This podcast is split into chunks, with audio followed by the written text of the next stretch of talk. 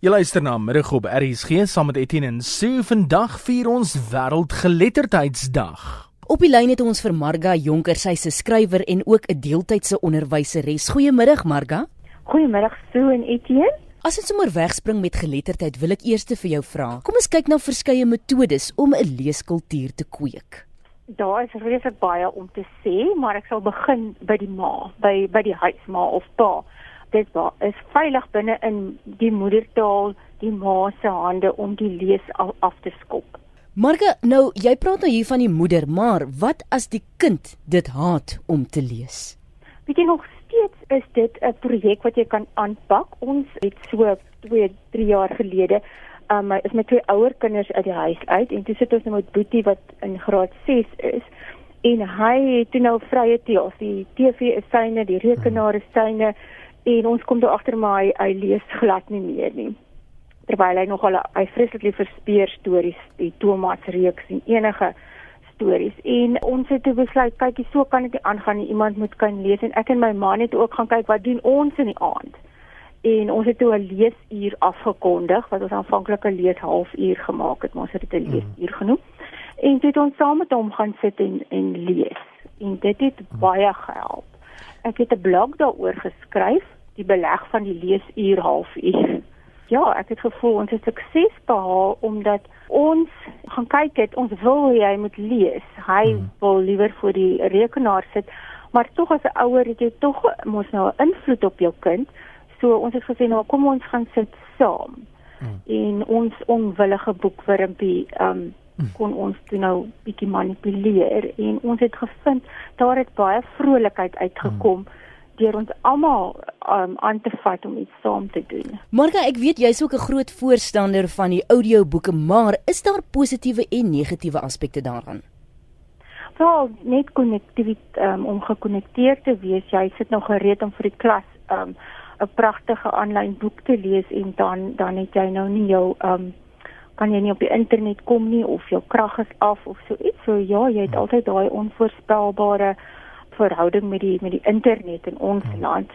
Um ek dra maar altyd nog iets saam want jy kan um as jy jou boek by jou het, kan niemand jou afskakel nie as jy die hmm. harde ja. kopie het. Ek wil net oor kinders vra of word daar te veel druk op kinders geplaas om te vinnig te vorder byvoorbeeld van jou tradisionele boetense prentjieboeke af na paragraafboeke toe en dan eh, is daar in daai oorskakeling iets wat verlore gaan in in hulle opvoeding of opleiding in geletterdheid.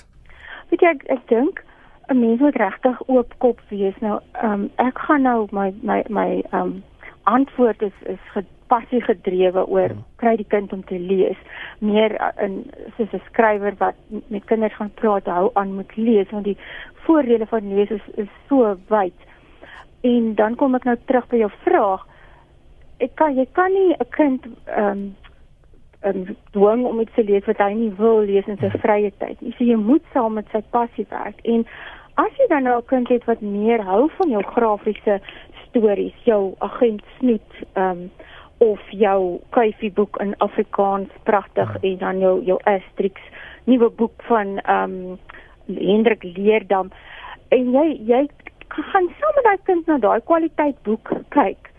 Ehm um, daar kan 'n heerlike tyd saam met jou kind ehm um, deurgebring word om die humor in die prentjie te sien om agter te kom wat laat die grafiese storie dan vir hom meer lewendig wees? Wat is in sy persoonlikheid en in sy waarneming wat wat die grafiese storie vir hom um, meer lewendig maak? En dan die uitgewers wat wat vir ons daai gra, grafiese stories in Afrikaans aanbied. Ehm um, ja, hulle doen baie moeite om vir ons die pragtigste en die mees uitstekendste Afrikaans daarso te gee. So ja. ehm ja. um, heerlike leesmateriaal saam met jou kind. Marka, jy is ook 'n skrywer van verskeie jeugboeke. Nou uit 'n ja. skrywer se oogpunt, wat moet 'n skrywer doen om as ons nou fokus op die tieners, hulle geïnteresseerd te hou in 'n boek eerder as wat hulle op Facebook rondkrap? Wat jy moet eerlik ehm um, wees om ehm um, saam met die kind in sy tyd ehm um, genre te wees. Jy jy kan nie 'n kind dwing om iets te lees uh, oor oor netjies se hare as as dit nie die tyd is vir netjies hare nie. So ek dink jy moet regtig weet wat is dit waar waaroor die kind dink, hoe voel hy daaroor? um en vir hom 'n geleentheid gee om te te praat. Um uh en jy as as skrywer moet dan nou um gaan luister. Wat sê hulle? Hoe praat hulle oor? Hoe voel hulle daaroor? Al voel jy miskien genigtig kind um kan jy dan nou so dink oor dan dan verloor jy jou empatie met met die persoon vir wie jy skryf en hoe hoe durf jy? Hmm. Ehm um, maar natuurlik ehm um, emosionele ontwikkeling, leiding sonder om leiding te neem net om te luister um, is is belangrik. Ja. Ek wil ook vra kyk ek kyk nou na my broer byvoorbeeld. Hy is al oor 21, maar hy maak gebruik van baie afkortings wanneer hy hmm. byvoorbeeld vir my 'n boodskap tik.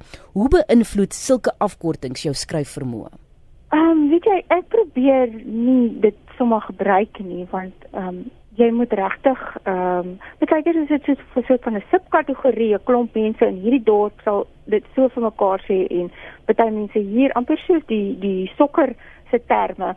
Jy jy jy kan ehm um, jou verloor jou gehoor verloor as jy vir 'n breë gehoor skryf en jy is nie spesifiek ingeoefen met wat beteken die woorde nie maar die in breë terme sal ek sal ek 'n afkorting gebruik ek het onlangs 'n boek geskryf waar ek WhatsApp boodskappe gebruik het mm -hmm. en dan sal ek sorg dat ek dit met my kinders oorgaan of met skoolkinders verstaan julle dit of hoe um, maar tog is jou tekstaal is nie 'n um, aanvaarbare taalkundig korrek nie maar dit is 'n verskynsel mm. Um, so ek dink jy moet moet maar nugter wees daaroor dit dit, dit gaan gebeur en as jy nou nie verstaan nie vra maar skryf nog op my langste nou.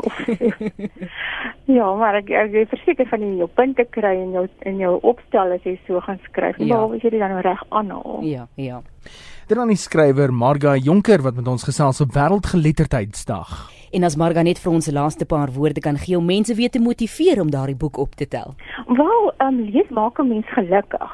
Daar is so sielkunde die um, biblioteekterapie en as jy dit gaan Google biblioterapie dan sal jy sien dit is 'n uh, sielkunde wat uit die Griekse tye uitkom en dit is so dat um, lees maak jou gelukkig. Dankie Marga. Dankie Etienne, dankie so lekker middag vir julle. Salad daai kant. En dit dan die skrywer Marga Jonker.